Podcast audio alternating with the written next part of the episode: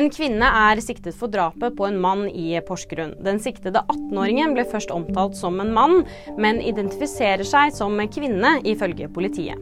De sier også at det har vært en relasjon mellom de to over noe tid. NRK bidro for å få Bamsegutt og familien hjem. NRK bestilte flybillettene, men sier at de ikke tar regningen, og at utgiftene er dekket av spleisen som er opprettet.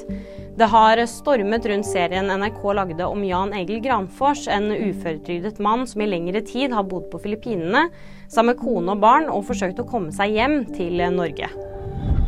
Nå er det skikkelig glatt på veiene. Snødryss og kuldegrader har ført til flere ulykker på E18 på Østlandet mandag ettermiddag.